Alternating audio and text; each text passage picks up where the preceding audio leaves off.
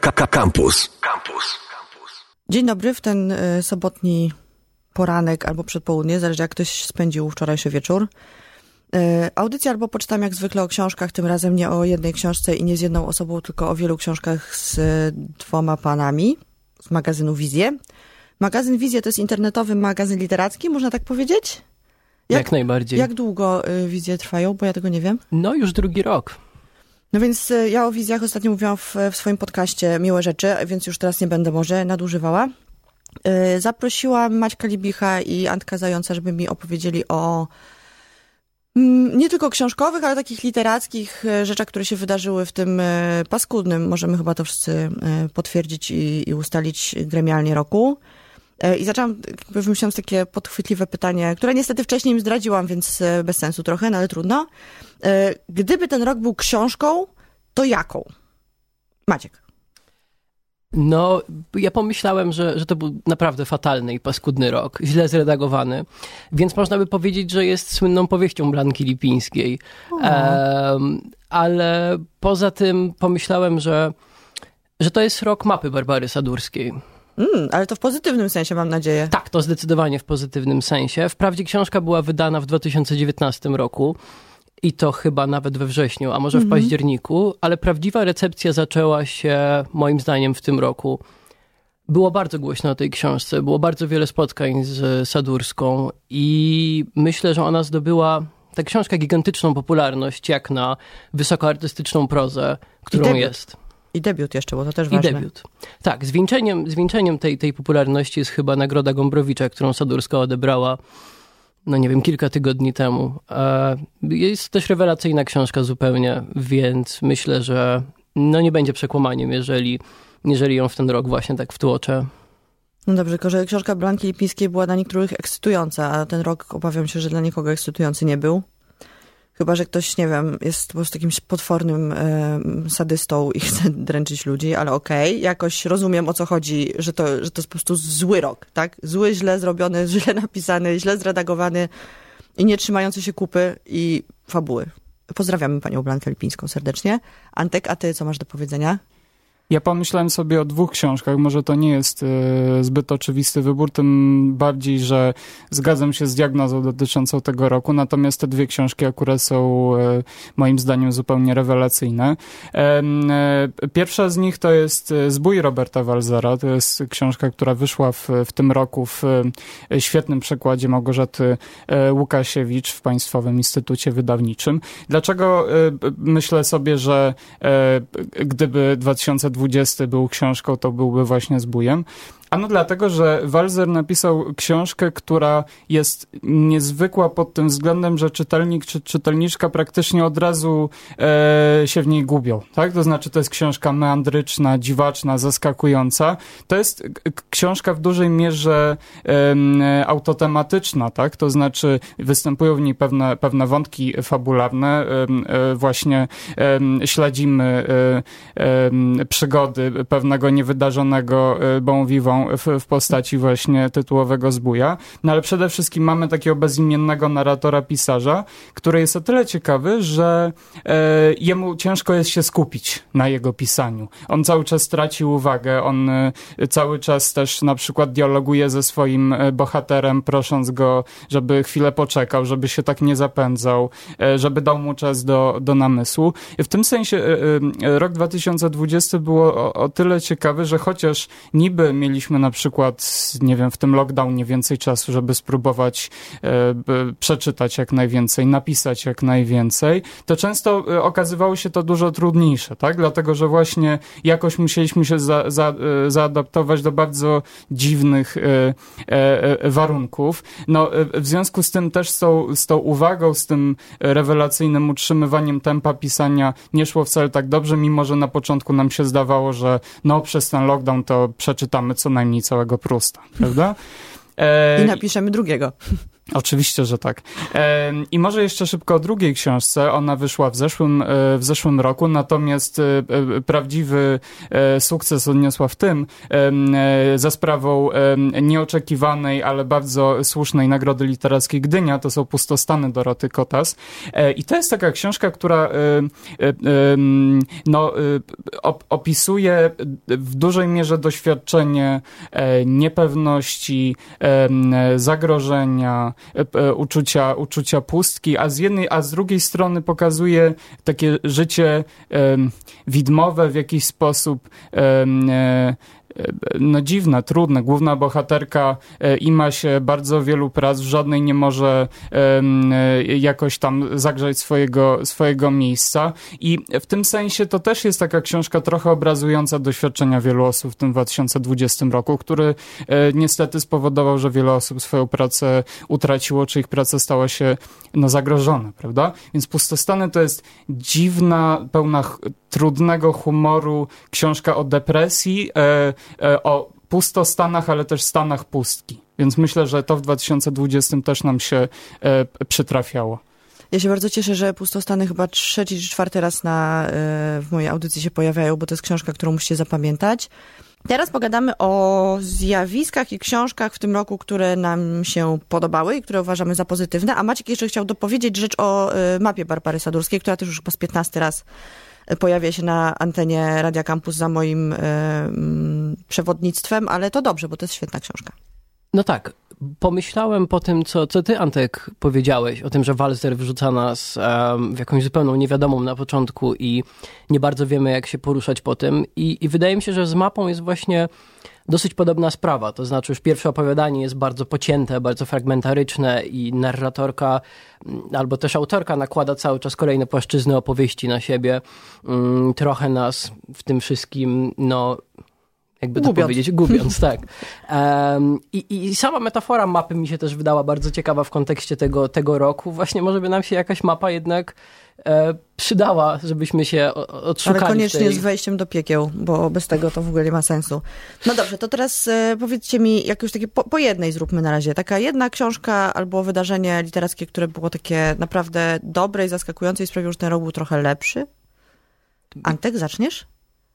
No właśnie, waham się e, o czym, o czym powiedzieć, bo z jednej strony mógłbym oczywiście e, polecić Państwu e, jedną z książek, która mnie jakoś szczególnie w, w, tym roku schwytała za serce, ale może spróbuję powiedzieć o takim zjawisku, które, które no. mnie jakoś najbardziej zaciekawiło. No mianowicie to jest bardzo dobry sezon, jeżeli chodzi o decyzje w nagrodach literackich. Powiedziałem o Pustostanach Doroty Kotas, natomiast ciekawa rzecz wydarzyła się, jeżeli chodzi o nagrodę Nikę. Wygrał e, Radek Rak z książką Baśń o wężowym sercu albo Wtóre słowo Jakubie Szeli, wydawnictwo Powergraph. E, ta książka no, nie była faworytką, natomiast ona wpisuje się w pewien bardzo ciekawy e, nurt, chyba wolę to słowo niż, niż, niż trend, związany z nazwijmy to szeroko historiami ludowymi.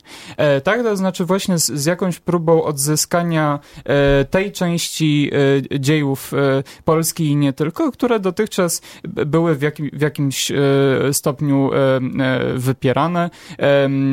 I można powiedzieć, że zaczęło się to oczywiście od prac naukowych, tak? To znaczy od, od prac Andrzeja Ledera, Jana Sowy, ukazujących właśnie jakiś taki no, prześniony charakter naszej, naszego chłopskiego, ludowego rodowodu. No a właśnie w tym roku po tej nagrodzie dla raka, y, książka oczywiście z roku 19, mieliśmy y, książki Adama Leszczyńskiego, y, bardzo głośną ludową historię Polski, ale nie tylko. Mieliśmy książkę Michała Rauschera, Bękarty Pańszczyzny, mieliśmy Piotra Korczyńskiego, Śladami Szeli i to jest związane z serią wydawniczą Ludowa Historia Polski. I mamy do czynienia właśnie z bardzo ciekawym e, e, nurtem, e, takim zjawiskiem, o którym jeszcze na pewno będzie się dużo, dużo mówiło. W związku z tym, no, to właśnie wydaje mi się jakoś arcyciekawe. Świetnie. To tak. Chciałam coś dopowiedzieć, ale nie chcę wam zabierać czasu. Pogadamy później. Ja pomyślałem o ciekawym, no właśnie może trendzie jednak, który, który obserwujemy. Byliśmy w zeszłym roku świadkami tego, jak nominowani debiutanci do, do nagrody Silesiusa podzielili się nagrodą, którą zdobył Maciej Bobula. I widać w jaki sposób teraz to, ta, decyzja, ta decyzja wpłynęła na, na cały system nagród literackich. E, w tym momencie już nie jest tak przynajmniej w kilku przypadkach, że nominowani odchodzą z kwitkiem, którzy, mhm. którzy nic nie, nie, nie wygrali. Teraz nominowani również dostają honoraria czy, czy nagrody pieniężne za, za sam fakt bycia nominowanym.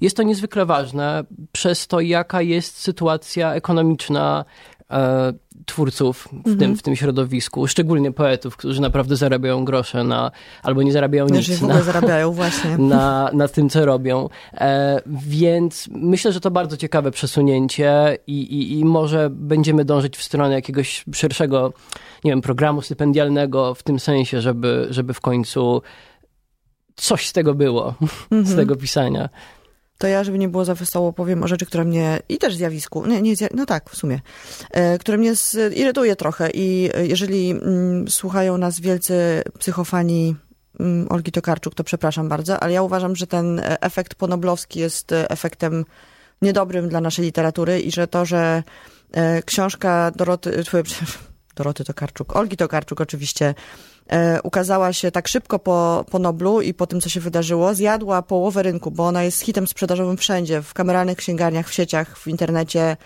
E, moim zdaniem nie jest to, rozumiem oczywiście taką ekonomiczną potrzebę wydawnictwa, żeby zarobić po prostu na tym Noblu, ale mam wrażenie, że te, ci wszyscy ludzie, którzy kupili e, trochę odgrzewany kotlet Olgi Tokarczuk, bo to nie jest przecież nic nowego, nie kupili książek bardzo wielu młodych, i nie młodych również oczywiście, nie bądźmy tutaj ageistami, e, twórców i polskich i zagranicznych. Ja uważam, że to jest e, niedobre zjawisko. Uważam, że powinniśmy dużo więcej mówić o rzeczach, które są nieznane i niewsparte marketingowo e, i zachęcać ludzi do kupowania tego, a przecież Olga Tokarczuk i jej wydawnictwo doskonale sobie poradzą nawet bez tego wielkiego, tej fali wznoszącej przedświątecznej. Więc to takie zjawisko, które mi się podobało nie bardzo. A teraz porozmawiam o książkach, które nam się jakoś szczególnie spodobały. Maciek? No ja muszę powiedzieć, że, że wyszło w tym roku naprawdę cała masa fantastycznych książek, więc wybranie z tego nieprzebranego bogactwa jest, jest dosyć skomplikowane.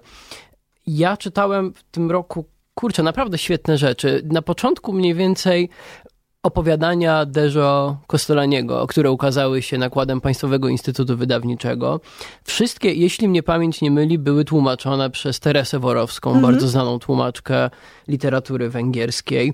Mm, Kostolani to jest taki pisarz, który był u nas w Polsce, Mm, od, od, od, kiedy, od kiedy pisał, nawet chyba w latach dwudziestych były pierwsze przekłady jego, jego książek, ale trochę tak jakby nam zniknął i na szczęście zaczyna wracać, a jest to naprawdę tytan literatury węgierskiej, pisarz absolutnie fenomenalny, kuzyn mm, również świetnego, świetnego literata, Gezy Czata. Tak, i Gezeczata też naprawdę należy czytać. To jest naprawdę rewelacyjna literatura, możemy ją od razu tutaj polecić, mimo tego, że się chyba już ze 4 lata temu Opium, jego zbiór opowiadań i bardzo perwersyjnych dzienników, też hmm. nakładem piwu ukazał. U tego Kostelaniego są świetne opowiadania, bardzo krótkie, których głównym tematem jest kłamstwo, um, i prawda, i śmierć. Kostelani to wszystko miesza ze sobą, bardzo wyprzedzając moim zdaniem um, nawet, nawet pewne nasze um, kurczę, jakby to powiedzieć, no, pisze po prostu bardzo aktualnie. Bardzo mhm. aktualnie o tematach, które dzisiaj są wyjątkowo, wyjątkowo nośne. No, fikcja na przykład, jak sobie patrzymy na, na, na wszystkie fake newsy i na całą postprawdę, to, to, to, to na pewno powinno nas interesować. E, druga rzecz, którą przeczytałem, i to dosłownie kilka dni temu, to jest Osioł Mesjasza Włodka Goldkorna. Mhm. Jest to druga część jego autobiograficznych, mm, no tak, autobiograficznych wspomnień, aha, cofać się do tyłu. E, to, to jest druga książka, poprzednia wyszła chyba dwa lata temu, nazywała się Dziecko w śniegu. Była absolutnie poruszającym, właściwie filozoficznym traktatem o pamięci, o, o postpamięci, o tym, jak jak trauma Holokaustu nawiedza potomków ofiar. E, osioł Mesjasza jest już w innym czasie umiejscowiony. Zaczyna się wszystko w 1968 roku, kiedy Goldkorn razem ze swoją rodziną ląduje w Izraelu, po tym mm, jak został, jak, jak musiał emigrować z Polski. E, więc, więc Włodek Goldkorn pisze o, o bardzo czarnych kartach polskiej historii e, i robi to w bardzo bardzo. Hmm, bardzo niedogmatyczny sposób. Mhm. Ym, I krytykuje, krytykuje, kurczę, chyba się rozgadałem trochę, krytykuje e, przede wszystkim Izrael Powiedz jeszcze raz, z bo to jest pozycji ważne. Tytuł i autora. Osioł Mesjasza, Włodek Goldkorn. Dobrze, Fantastyczna zabieram rzecz. ci głos i daję go Antkowi, bo mogę. E, tak, ja też mogę polecić e, Osła Mesjasza, to jest świetna książka, natomiast e, jeżeli chodzi o moje takie typy, no to książką, która w tym roku najbardziej mi się podobała, chociaż stanowiła też bardzo duże wyzwanie z różnych przyczyn, jest zbiór nowele i opowiadania Hermana Melvilla. Książka wyszła stosunkowo niedawno, bo pod, pod koniec listopada nakładem Państwowego Instytutu Wydawniczego. Jest to zbiór e, 16 em, utworów prozatorskich Melvilla, pisarza e, e, genialnego, e, amerykańskiego XIX-wiecznego autora no, takich te, utworów jak Moby Dick czy Billy Budd. Natomiast właśnie z wyłączeniem może słynnego kopisty Bartleby, wiele krótszych utworów Melvilla nie było w Polsce dotychczas znanych, cenionych. Mam nadzieję, że ten e, zbiór to zmieni. E, Jest na to duża szansa z tego powodu, że to są teksty świetnie przetłumaczone przez najlepszych e, polskich tłumaczy, najlepsze polskie tłumaczki. E, Natomiast nad e, całością e, czuwali dwaj znawcy twórczości e, Melvilla, czyli Adam Lipszyc i Mikołaj e, Wiśniewski. To są teksty, e, powiem tylko e, krótko, e, pisane już w momencie, kiedy e, Melville odniósł no, e, e, porażkę e, związaną z Moby Dickiem. Nam się wydaje, że tę książkę wszyscy od razu pokochali, no bo jak żeby inaczej przecież to. Tymczasem na początku ta książka no, y, okazała się właśnie y, porażką, była niezrozumiała, y, niezrozumiana przez, przez y, recenzentów. No i właśnie Melville y, y, po tej porażce napisał kilkanaście niesamowitych utworów, w których Tym razem w dużej mierze skupia się na e, różnych zawiłościach e, e, psychologicznych, ale także właśnie jest dużo takiej bardzo interesującej refleksji autotematycznej. Melvilla po prostu warto czytać. Myślę, że każdy e, i każda coś u niego odnajdą, chociaż nie jest to literatura bardzo łatwa. Wy powiedzieliście o książkach, które są długie, grube i ciężkie, więc ja mam jak zwykle, y, jak ktoś już słucha y, audycji od jakiegoś czasu, to wie, że ja najbardziej lubię krótkie książki. Więc ja w tym roku chciałam y, powiedzieć o takiej książce, która się nazywa Gorączka Złotych Rybek, wydana przez wydawnictwo Tajfuny, które bardzo serdecznie pozdrawiam. Przetłumaczona przez Anię Wołtysz, jest to debiut jej jako tłumaczki. Kanoko Okamoto nazywa się e, autor tej książki. I to jest, takie, to jest taka powieść, która jest króciusieńka bardzo, ale jak zwykle w e, japońskiej prozie najważniejsze, co tam się dzieje, to jest przepiękny język i umiejętność takiego opisywania stanów emocjonalnych, które po prostu rozrywa serce.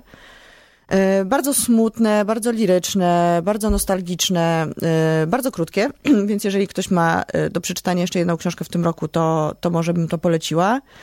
I druga rzecz, ja mówię krótko o krótkich książkach, więc powiem jeszcze jednej. Rzeczy niewysłowione. Soren Gauger, wydany przez wydawnictwo Nisza. E, Już chyba gdzieś o nim wspominałam, bo, bo ta książka zrobiła na mnie wielkie wrażenie. Przeczytałam ją już drugi raz teraz. Ona ma chyba ze 140 stron, więc nie jest to jakieś wielkie... e, Nie, gdzie ja, co ja mówię? Chyba z 80 stron. jest tak, króciutka. tak, tak, tak. To jest super krótkie. E, I Soren Gauger jest Kanadyjczykiem, który mieszka od 20 lat w Polsce. Napisał tę książkę po polsku, ale z pomocą przyjaciela, który, jak rozumiem, pomagał mu z, w kwestiach językowych. Nie powiem wam, o czym to jest, bo to jest w ogóle zupełnie bez sensu. E, Gdzieś to się kręci, jeżeli kogoś interesuje antropologia kultury, to, to znajdzie tutaj dużo bardzo tropów, które go ucieszą. E, Bardzo polecam tę książkę. Ona przyszła troszeczkę niezauważona, e, jak to zwykle takie dziwne książki i niewsparte budżetami reklamowymi. Natomiast myślę, że w tym roku, jeżeli bym miała wybrać jakieś, jakieś takie rzeczy, które, po które warto sięgnąć, a które może nie są oczywiste, to byłyby no chyba właśnie te dwie książki. Mam jeszcze oczywiście wznowienie, ym, to jest y, Austerlitz y, Zebalda. Y, Powiem o tym dlatego, że to jest książka, którą moim zdaniem absolutnie każdy powinien przeczytać i to przynajmniej kilka razy. Ja Zebalda, do czego się przyznaję absolutnie bez wstydu, nie znałam przez bardzo długo. Znaczy słyszałam oczywiście nazwisko, ale nie czytałam. I jak wpadłam, to wpadłam z uszami. Teraz nie mogę się doczekać, aż będę czytała sobie Pierścienie Saturna, też wznowione przez Osolineum. E, nie pamiętam, kto to przetłumaczył, szczerze powiedziawszy. Chyba też Małgorzata Łukasiewicz. Tak, tak jest. chłopaki kiwają, że tak, wiedzą więcej. I jakby Sebald, wszystkie jego książki to jest e, absolutny read, ale paskudne słowo. Ale dla każdego, kto kocha literaturę wymagającą, e, ale też bardzo liryczną i taką niewesołą, bo zdaje się, że w ogóle w audycji albo poczytam nie było jeszcze nigdy żadnej wesołej książki. To jest, e, chyba że zaliczyć Kereta, usterkę na skraju galaktyki, ale też chyba nie bardzo. Ale obiecuję, że kiedyś zrobię, może w, na początek przyszłego roku, który już będzie za chwilę, jakąś jedną audycję o bardzo pozytywnych książkach wesołych i długich. O, tak zrobię. Teraz powiemy sobie o rozczarowaniach i zaczniemy od Antka. Co cię rozczarowało, powiedz? Opowiadaj. No właśnie, ja postanowiłem, że nie wybiorę żadnej książki, która mnie e, rozczarowała, natomiast powiem o zjawisku, które właśnie jest dla mnie ciekawe, może rozczarowanie to za duże słowo, ale właśnie jest negatywnie ciekawe, może tak. Mhm. To znaczy